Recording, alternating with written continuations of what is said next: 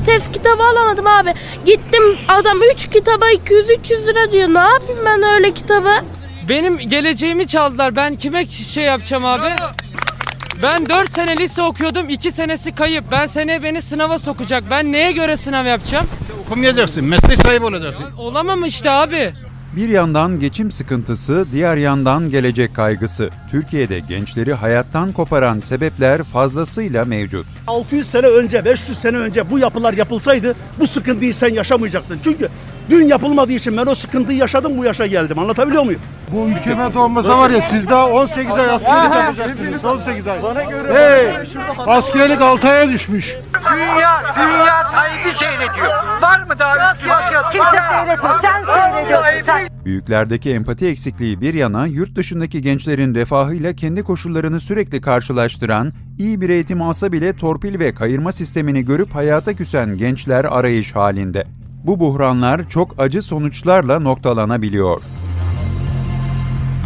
Geçtiğimiz hafta 20 yaşındaki tıp öğrencisi Enes Kara ve 16 yaşındaki Bahadır Odabaşı'nın peş peşe intiharı gündemi adeta sarstı. Geride bıraktıkları hikayelere bakınca aslında sorunun çok derinde olduğu görülüyor. Hatta bizde böyle bir şey olmaz diyen ailelerin de çok dikkat etmesi gerekiyor. Sadece ölülerin psikolojik sorunu yoktur. Bir insan yaşıyorsa psikolojik sorunu var demektir. Ya sümenaltı etmişizdir, ya gö- büyük görmemişizdir, önemsiz görmemişizdir. Bu bir risktir.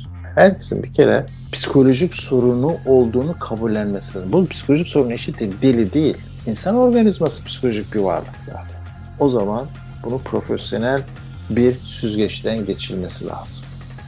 Dindar bir çevrede yetişen ve zamanla ateist olan Enes'le KHK'lı ve tutuklu bir babanın evladı olan Bahadır'ın vefatında ortak bir nokta bulunuyor. Çocuk adına bakalım. Anne baba diyor ki muhafazakar kesim için söylüyorum. Dinle ilgili iyi insan olmaktır diyor, ahlaklı olmaktır diyor, dürüstlük olmaktır diyor. Duyduklarıyla gördükleri tamamen çelişiyor. Ahlaksızlığın dip yaptığı, hani iftar gazozu muydu? Öyle bir filmde çocuğun şok olduğu bir an var. Çok hassasiyeti olan bir adammış gibi görüyor ustasını. Bir bakıyor ki işte Ramazan'da arkada döneri götürüyor. Kafam gözüm dönüp durur. Kolay mı bu sıcaklarda oruç tutmak? Bu çelişkileri yaşadıkça duyduklarıyla, söylenilenle hani soğan ekmek yeriz deyip saraylarda oturanları gördükçe çocuk o çelişkiyi faturayı dine çıkarır ve uzaklaşır. Ben kendi çocuklarım için de söylüyorum. Orada olsalardı müthiş bir şekilde gö- olanları eğer o hassasiyetleri varsa görüyorsa dinden uzaklaşır.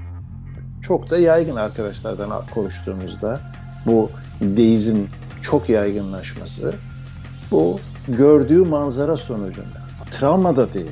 O tanımı da doğru koymak lazım. Yaşanan asimetrik travma. Bunlardan parametrelerden bir tanesi bile olsa çocuk ciddi bir e, problem yaşar.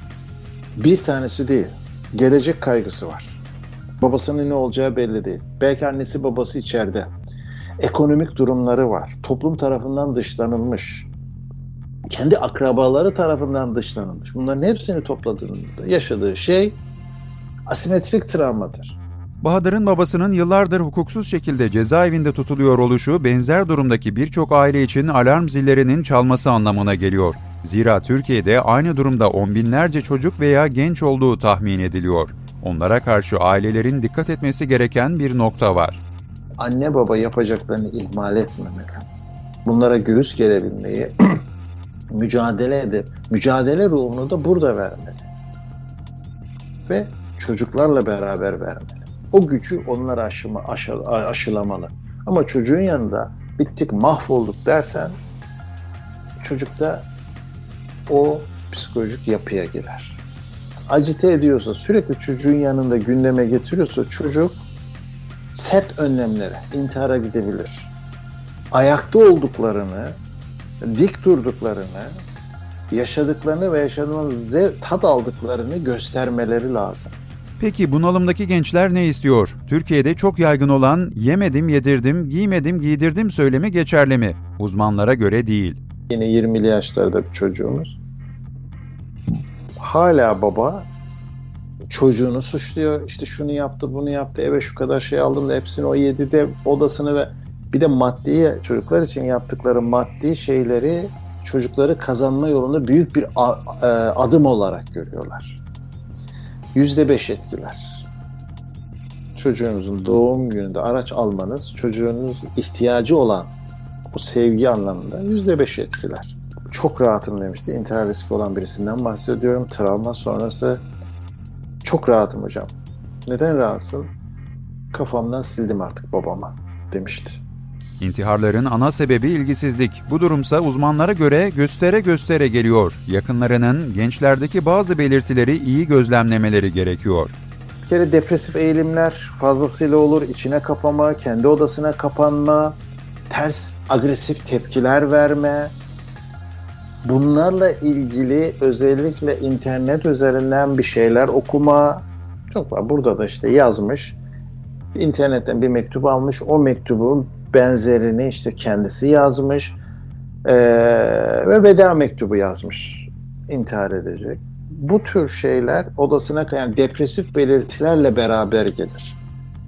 Ben öyle bir durumda kesinlikle ve kesinlikle profesyonel birileriyle çalışmalarını tavsiye ederim. Peki anne babalar ne yapmalı? Aslında formül çok basit. Çocuklarıyla kaliteli vakit geçirmeyi bilmiyorlar. Kaliteli vakit geçirmeleri lazım. Ciddi oranda burada da fazlasıyla bu söylediğimiz problemler var. Sadece 2 yıl içinde yani 20'nin üzerinde intihar vakası var. Göç ve sonrası oluşan. Bunu yaşantılara veremeyiz.